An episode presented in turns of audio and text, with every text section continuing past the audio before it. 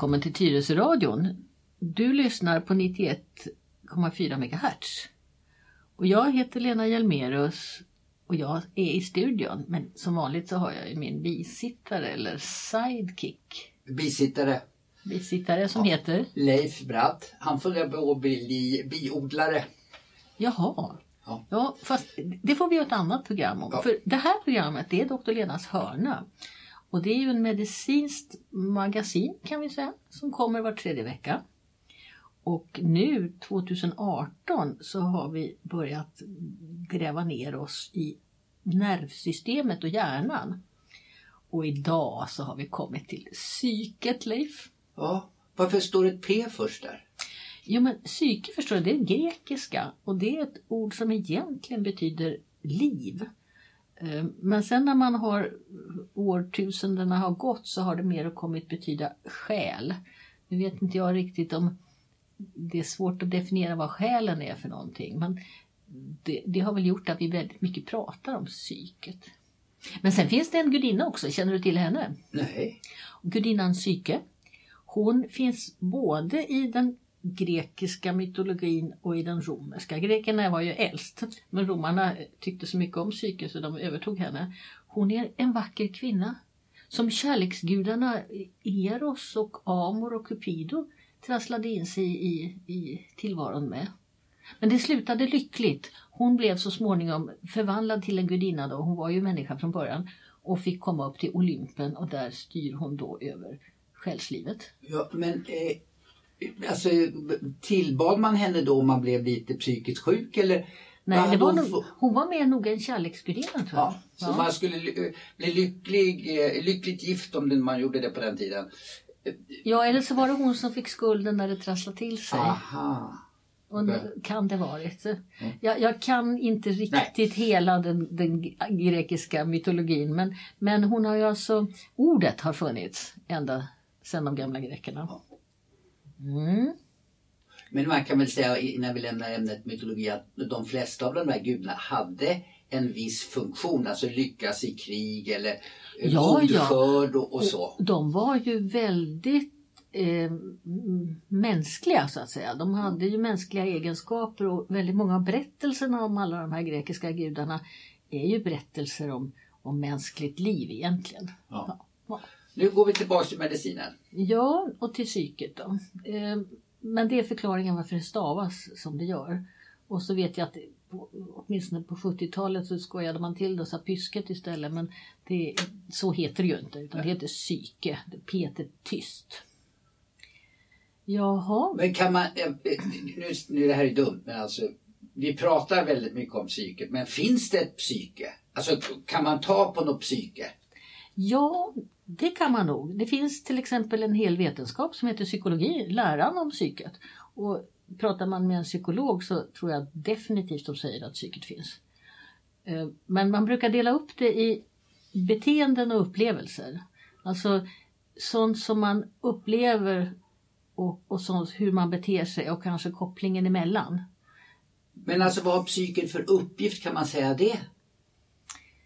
Ja, från början så är det nog att det ska skydda oss. Ehm, I, i- I psyket så finns ju såna här saker som rädsla och skräck och uh, att vara ledsen, att gråta, sörja, uh, ilska, aggression. Men det finns också skratt och glädje och längtan och ömhet och att känna sig nöjd och känna sig mätt och belåten. Så det, det är känslor eh, som vi nog kan iaktta även hos andra djur. Men det är klart att som människor så tycker vi väl att vi har det mest utvecklade psyket. Men om det då är, om jag får kalla det ett slags känsloorgan då? Mm. Det, det är ett bra ord. Ja, tack. Mm, mm. Det finns ju så mycket olika piller. Kan man inte få på recept, ja, kan, säg då lyckopiller som träffar psyk, eftersom det finns skratt där. Mm. Och nedstämdhet kanske då också då. Men det är ju roligare att skratta än att gå där och uh, vara butter. Mm.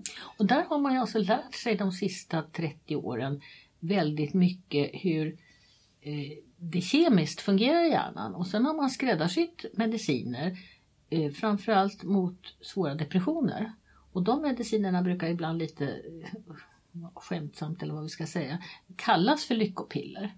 Eh, men de är alltså oerhört effektiva för vissa former av nedstämdhet.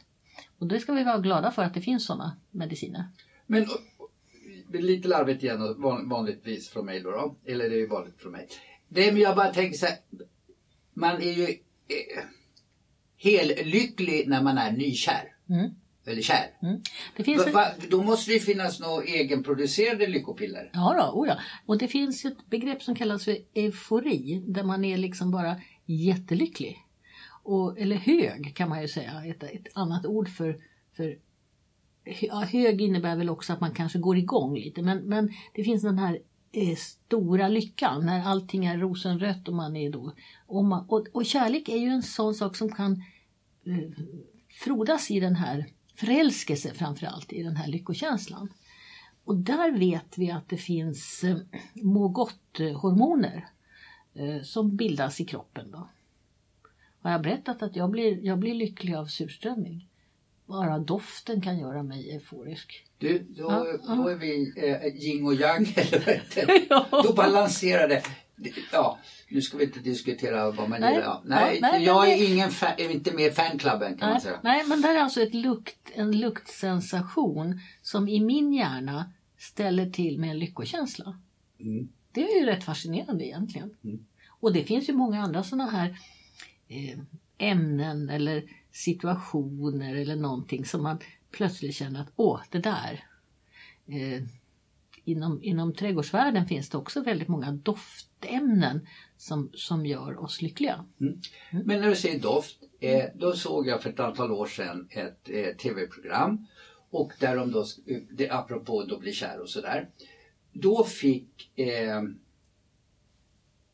män sätta på sig nytvättade t-shirts. Hade de på sig säger 24-48 timmar och de fick inte tvättas något. De gick i de här t-shirten i, säger vi, två dygn. Och så fick kvinnor dofta på de där t-shirtarna. Och sen när de jämförde det och hur det gick till, då kunde de se att de som, om de fick avkomma då, så mm. skulle den ha ett bättre immun, immunförsvar. Ja, det vet jag inget om. Nej, nej, men nej, ja, det var på TV så det måste ju vara sant. Aha. För något år sedan så såg jag en studie där man gjorde tvärtom. Där män skulle lukta på persedlar ja. från kvinnor. Mm. Noll resultat. Ja, ja, ja. Du vet, det, det finns mycket i det här som vi inte vet så mycket om. Ja. Om jag ska vara ärlig. Ja. Men om vi nu backar tillbaka då. Vad är det som finns i hjärnan som gör att man känner att vi har ett känsloliv? Och då är det eh, om man tänker öronen och så lite framför, lite ovanför så sitter det som kallas för tinningloben i hjärnan. Det är en, det är en speciell då del av hjärnan. Och i den så finns det strukturer, alltså eh, samlingar, kärnor. Man brukar prata om att det, det är områden där det är koncentrerat med nervceller. Eh, och så har man satt namn på olika kärnor och så finns det liksom en båge från det här vid örat inåt mot hjärnan, mot mitten. Och det är ett system som man vet att där går känslo, känslorna. Och, och, att man vet det, det beror på att man har ju gjort då, djurförsök när man har skurit av de här banorna. Och man vet också människor som har fått sjukdomar och skador i det här området att det påverkar då deras känsloliv. Och då finns det, det finns en, en en del av det här har vi pratat om tidigare, det jag kallar för reptilhjärnan. Det är gamla strukturer som framförallt har med smärta och överlevnad att göra. Eh, men sen kommer alltså, ja rädsla har vi redan sagt, men också de här eh, positiva känslorna finns i det här systemet.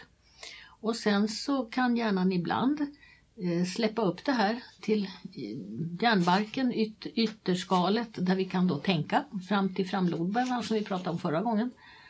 Men ibland så släpper inte hjärnan fram det utan det liksom stannar på vägen.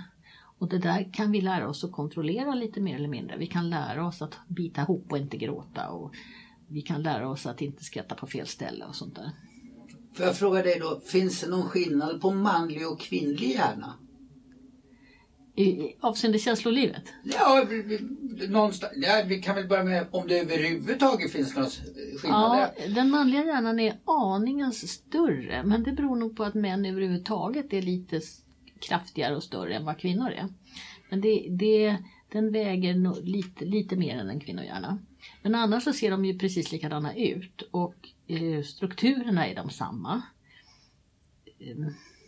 Man brukar säga att kvinnor är lite mer känslosamma, män är lite mer fyrkantiga. Ja, och där, och där kan det ju vara sånt som att man har lärt sig. Jag menar, även, små, ja. även små pojkar gråter. Mm. Eh, men, men vi har en... Vår hjärna har en väldigt, väldigt stor omformbarhet. Det kallas för plasticitet. Hjärnan kan alltså anpassa sig. Och hjärnan, hjärnan eh, ställer in sig, programmerar om sig själv. Du menar så här, män ska inte gråta? Ja, så? visst. Men män biter ihop mera och eh, kvinnor övar sig tidigare på mera prata och kanske också släppa ut sina känslor. Eh, det, det finns en, en skillnad men om den är sannolikt är den kulturellt betingad, ja. något vi har lärt oss. Um, sen um, så, så finns det då, eh, det finns nog så att män har lite närmare till sin aggressivitet. Det är inte så att inte kvinnor kan vara ilskna. Eh, men männens testosteron eh, driver på en aggressivitet. Det vet man ju till exempel killar som käkar anabola steroider och dopar sig. Att de får problem med en okontrollerad aggressivitet. Men både kvinnor och män har alltså lite manligt könshormon. Eh, så det är inte så att man, en man bara har testosteron och en kvinna bara östrogen utan bägge könen har bägge könshormonen men i olika mängd. Mm. Mm. Eh, men hjärnan, är, hjärnan kan alltså anpassa sig väldigt mycket. Får jag fråga, kan man träna hjärnan? Alltså om man nu har vissa eh, aggressivitetstendens eller så. Eller är det hela tiden en kemisk process? Eller kan jag... Jag tänkte sätta mig i ett yogatempel i två år. Blir jag mer lugn då? Ja, det tror jag du blir. Um, dels kan man ju som jag nu har pratat i de här programmen ha en väldigt biologisk syn på det hela. Det är, det är celler och det är kemiska ämnen och det är, är elektriska strömmar. Men man kan också speciellt när det gäller psyket så kan man använda eh, en annan, vad ska vi kalla det för? En annat sätt att se, en annan referensram. Och det här började man ju då vid eh, sekelskiftet 1800-1900. Eh, och det var ju ganska revolutionerande tankar. Dels visste man ju inte så himla mycket om det här biologiska men, men man hade ändå börjat eh, se de här olika strukturerna. Och man, hade, man hade börjat med försöksdjur.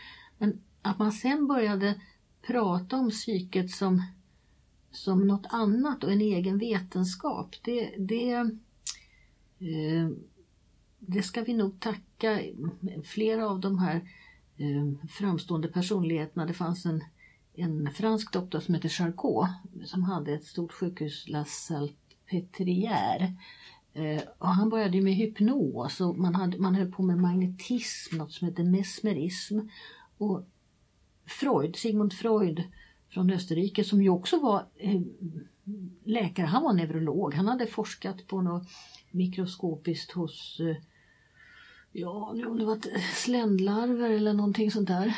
Ehm, men, men Freud var, han var revolutionär på det sättet att han, han satte ord på ett annat sätt att se på det här med, med det som är inuti, ja, inuti oss då, själen. Knoppen. Knoppen. Ja. Men för man tror väl den sitter här uppe ja. någonstans? Ja, det, det, det, det gör det. Men samtidigt så sitter psyket ihop med resten av kroppen. Så man vet att till exempel sjukdomar ute i kroppen påverkar upplevelsen. Eh, typ det här med depression då. Är man deprimerad så får man också svårt att röra sig. Eh, Blir man orolig får man lite ont i magen. Ja. Och man kan bli kallsvettig. Men och bli, skadar man sig någonstans så får det också direkt inverkan på eh, upplevelsen. E, ett klassiskt som jag ofta ser det är människor som har fått en liten propp, en hjärnblödning eller en, en liten stroke. De får ofta en depression när det har gått en tre, fyra månader. Och det hör liksom till strokesjukdomen. Så att eh, det, det, finns väldigt eh, tydliga kopplingar mellan de här signalerna som kommer in till hjärnan utifrån. Man brukar ibland säga att kroppen minns, eh, huden minns. Har du någon förklaring då på, man pratar om anorexi. Mm. Alltså, en person tycker sig vara kraftigt överviktig eller rätt sagt den är inte överviktig, men upplever sig som att vara överviktig. Tittar sig i en spegel, då ser de ett, förlåt språkbruket, mm. ett fettberg. Mm. Men vi andra som betraktar personen fråga ser kanske en väldigt normalbyggd person mm. eller kanske mm. till och med mager. Men mm. själva ser de sig som otroligt överviktiga. Mm. Hur kan man lura hjärnan? Jo men det är just de här eh, kärnorna väldigt centralt då som har med hunger och mat att göra. Eh, och de eh, de kalibrerar om sig, de ställer om sig, hittar ett, en annan nollpunkt. Och det är inte bara då upplevelsen av hunger och när man tittar sig i spegeln utan det är också sånt här som kroppstemperatur och ämnesomsättning. Så att en, en person med en, en ätstörning eh, som inte får hjälp eh, relativt snabbt kan alltså hjärnan ställa om sig och det kan vara svårt för hjärnan sen att, att gå tillbaka och hitta vad ska vi säga, normalläget igen, det rätta läget igen. Och Det här ser man också vid de här eh, utmattningssyndrom och sådana. Det ska vi ha ett annat program om längre fram i, i vår. Men där kan man också se hur hjärnan liksom anpassar sig till det här tillståndet. Och, och då, då låser det här tillståndet sig. Hjärnan nerreglerar sin aktivitet. För mig, när du säger då det här med eh, att man går in i väggen och mm. utbrändhet och sådana här saker. Som jag också gissar mm. sitter väldigt mycket upp i hjärnan. Mm. mm. Det kom ju på, förlåt igen då språkbruk, det kom på modet på 90-talet. Alltså jag menar det, det, det var ett begrepp man började prata om på 90-talet. Det kanske fanns i sjukhusvärlden tidigare men hur, hur, varför dyker det där fenomenet upp helt plötsligt? Ja, det fanns tidigare men det hette andra saker. Det hette asteni väldigt länge. Och eh, överansträngning hette det väl på 50 och 60-talen.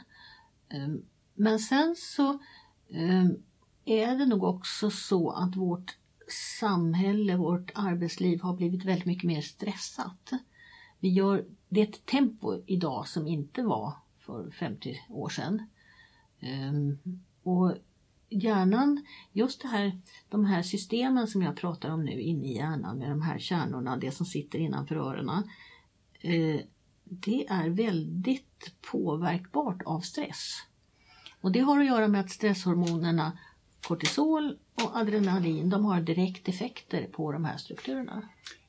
Eh, om man då säger eh, dagens samhälle, det jag är inne på lite grann var det här då på 90-talet, det jag inte hade upplevt det. Det var ju människor som sa, jag vaknade morgonen och kunde inte komma ur sängen. Jag blev liggande kvar där. Alltså jag, jag förmådde inte få min kropp att röra sig så jag kom upp ur mm. sängen. Mm. Ja, och då blev det ut, utbränd, utbrändhet och, och, så. Jag bara tänker, ungefär som vi har åtta timmars sömn, alltså det är mm. klart det skiftar lite från individ till individ. Men alla den här stimulansen vi får, ständ, alltså det är ett ständigt flöde av mm, information. Mm, mm. Jag tänker det måste varit lite skillnad för bonden som gick och plöjde åken. Mm. Och, och, och, inte hade alla de här dataspelen och allt vad det nu är för någonting. Och just ljus, alltså ljus med andra våglängder än det naturliga dagsljuset, det naturliga solljuset. Vi har så mycket konstgjort ljus idag. Och, och ljus påverkar psyket. Och det vet man, man har till exempel behandlat depressioner med ljusbehandling. I, och då har man alltså dragit nytta av att, att artificiellt relativt hårt ljus kan påverka de här kemiska ämnena. Um, men vi, har, vi lever alltså i en värld där det är aldrig riktigt mörkt om vi bor i stan nu. Då. Och det är inte bra för oss. Vi är, vi är inte gjorda för det. Vi måste ha lite mörkt på åtminstone några timmar varje natt så att vi kan sova ordentligt. Nej, jag, jag är inne lite på det här att eh, det, vi ser barnen är för stillasittande, sitter vid skärmen och håller Mm, på. ja. Eh, man ser människor, det är inte helt ovanligt att se människor med de här hörlurarna i örat. Alltså ständigt, ständigt. Och sen sitter man med sin smartphone och håller på med spel. Alltså det, det är aktivitet hela tiden. Ja. Alltså jag har ingen kunskap om det är bra eller dåligt. Jag vet, du är doktorn så du får säga nu. Ja, hjärnan måste ju få återhämta sig. Och om vi går tillbaka till Freud då som såg på hjärnan på ett annat sätt. Han delade ju in hjärnan då, eller han lyfte fram de här eh, fantasin, drömmarna, dagdrömmar, drömmar när man sover, eh, de här tankarna som är kopplade till lust och längtan. Han pratar mycket om drifter, alltså ja, längtan då. Eh, och hur, hur centralt det var för män, att människan skulle må bra. Att allt det här fick pågå. Att vi, att vi hela tiden Eh, hjärnan fick bada i det här som inte är medvetet, som sker när vi eh, utan att vi bestämmer över det, som bara flyter runt där. Och framförallt då att det, det får hända när vi, att vi får vila ordentligt. Eh, sen hade ju Freud också en, en del av hjärnan som var väldigt medveten. Det är lite grann det vi pratade om förut om kommunikation. Att det han kallar för jaget, det är som allt som har med själv att göra. Självuppfattning, självbevarelsedrift, eh, självständighet. Alla ord som börjar på själv kan man placera i det här jaget. Och det här med fantasierna det kallade han ju då för detet. Och sen så hade han en tredje eh, nivå eh, där han menade att det fanns en, ett överordnat, eh, ett överjag och där laddade, la han in då eh, det man hade varit med om när man växte upp, eh, präglingen ifrån vad ens föräldrar hade betytt för en. Eh, och hur, det, hur de här föräldrarna liksom kan fortsätta leva inuti en fast man, de är borta och döda för länge sedan. Och det där tror jag också man känner igen att man ibland kan säga nu gör jag precis som min mamma gjorde eller nu gör jag precis som min pappa alltid sa. Att vi har, det är väldigt starkt den här präglingen när vi växer upp. Uppfostran. Ja, uppfostran också. Visst. Ja. Nej, men får jag fråga då bara, eh, ska jag säga då att detet, jaget och överjaget är olika delar av psyket? Ja, det kan man säga.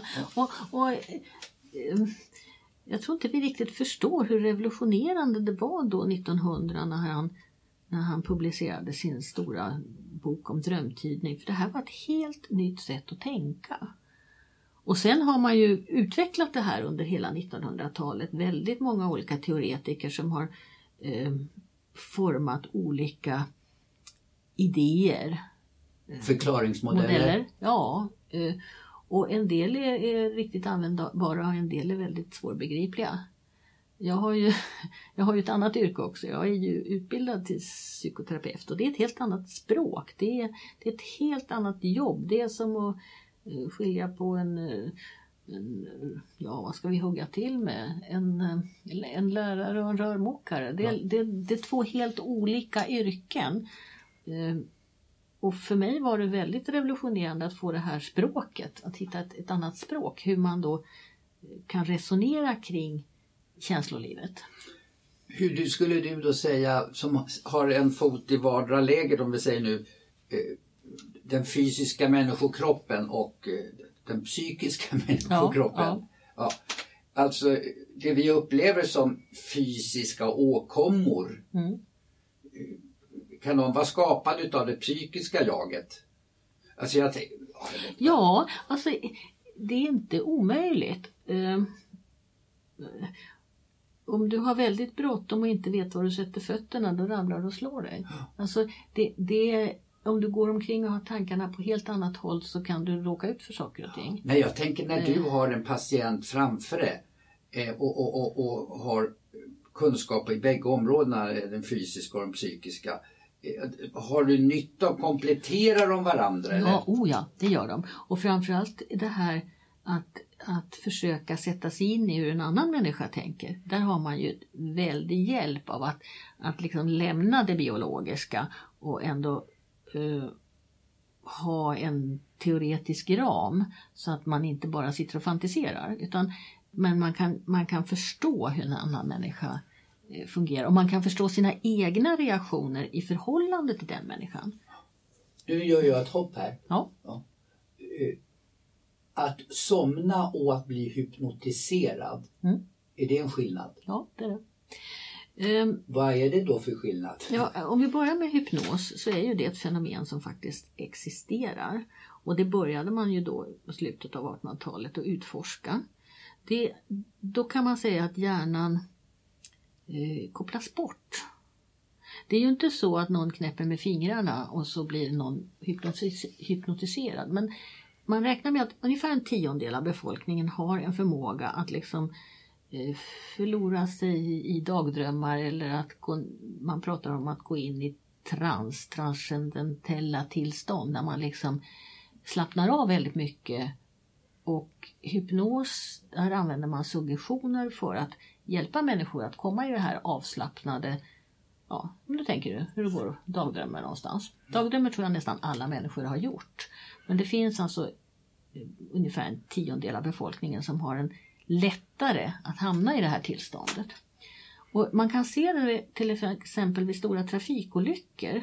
Därför att eh, alldeles med samma när en olycka har hänt eller en krigshändelse, människor blir skadade, då känner de ingen smärta.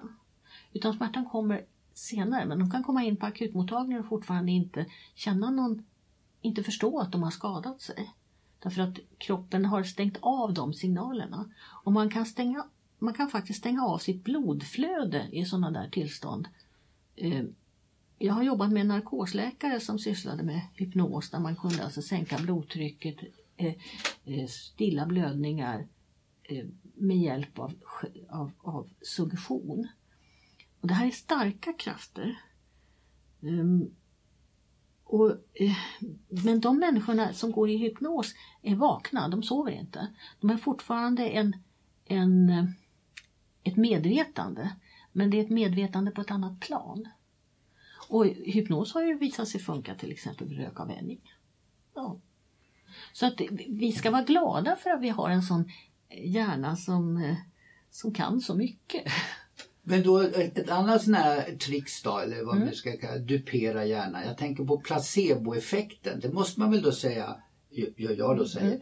eh, tillhöra den, det psykiska Ja. området. För att eh, vad jag förstår nu så accepterar man inom skolmedicin att det finns en placeboeffekt. Den är jättestark. Ja, och den måste ju Mm, rimligtvis ha, vara skapad i, i psyket. Alltså, Ja. Jag tror på den här medicinen. Visst. Och då kan man få det att funka. Men sen finns det alltså, man måste dra en gräns också någonstans.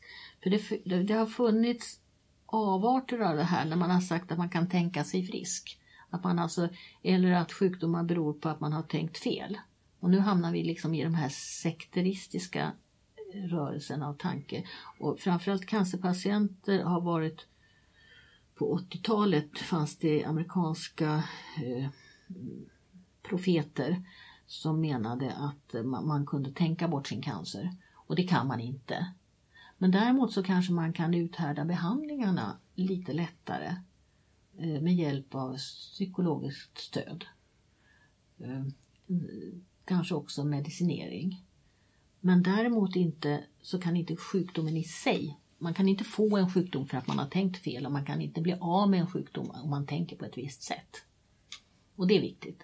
För men däremot så kan man alltså själva upplevelsen, själva processen kan, kan bli lite lättare. Och för mig personligen så var ju det här, jag jobbade med döende patienter.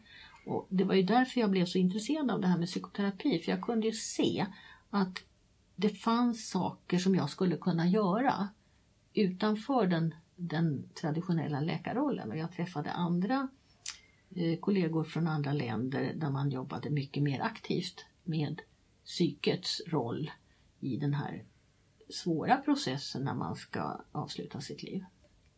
Men det där var, nu var det ett sidospår det där. Ska vi återvända till psyket? Vi, Ja. vi har inte så många minuter kvar längre. Nej, men placebo var ju lite psyke. Ja, och placeboeffekten den är väl eh, etablerad. Ja. Och den betyder alltså att man kan, man kan eh, ta, om, man tro, om man inte vet om en tablett innehåller ett verksamt ämne eller inte så kan man uppleva att, man, att, den, att den har det fastän den inte har det. Man kan alltså ha ett sockerpiller och ändå uppleva att det är en verksam medel. Ja. Precis som jag blir hög av surströmming. Jag blir deprimerad. Ja, visst. Vi kanske ska sluta, sluta med psyket idag då. Ja. Vi kommer säkert återkomma till psyket för det här är ju ett spännande kapitel. Ja, men man kan väl nästan säga att psyket eller då vår hjärna, det är väl egentligen på sätt och vis i alla fall halva vår kropp. Ja. Alltså, kroppen bär upp en hjärna som är, där sitter egentligen det mesta av, Ja, och, av, av mig som människa sitter ju där innanför. och ordet betyder alltså liv på grekiska. Mm. Ja, vi tackar för idag då och så återkommer vi om tre veckor igen. Ja, det gör vi. Tack Lena! Hej då!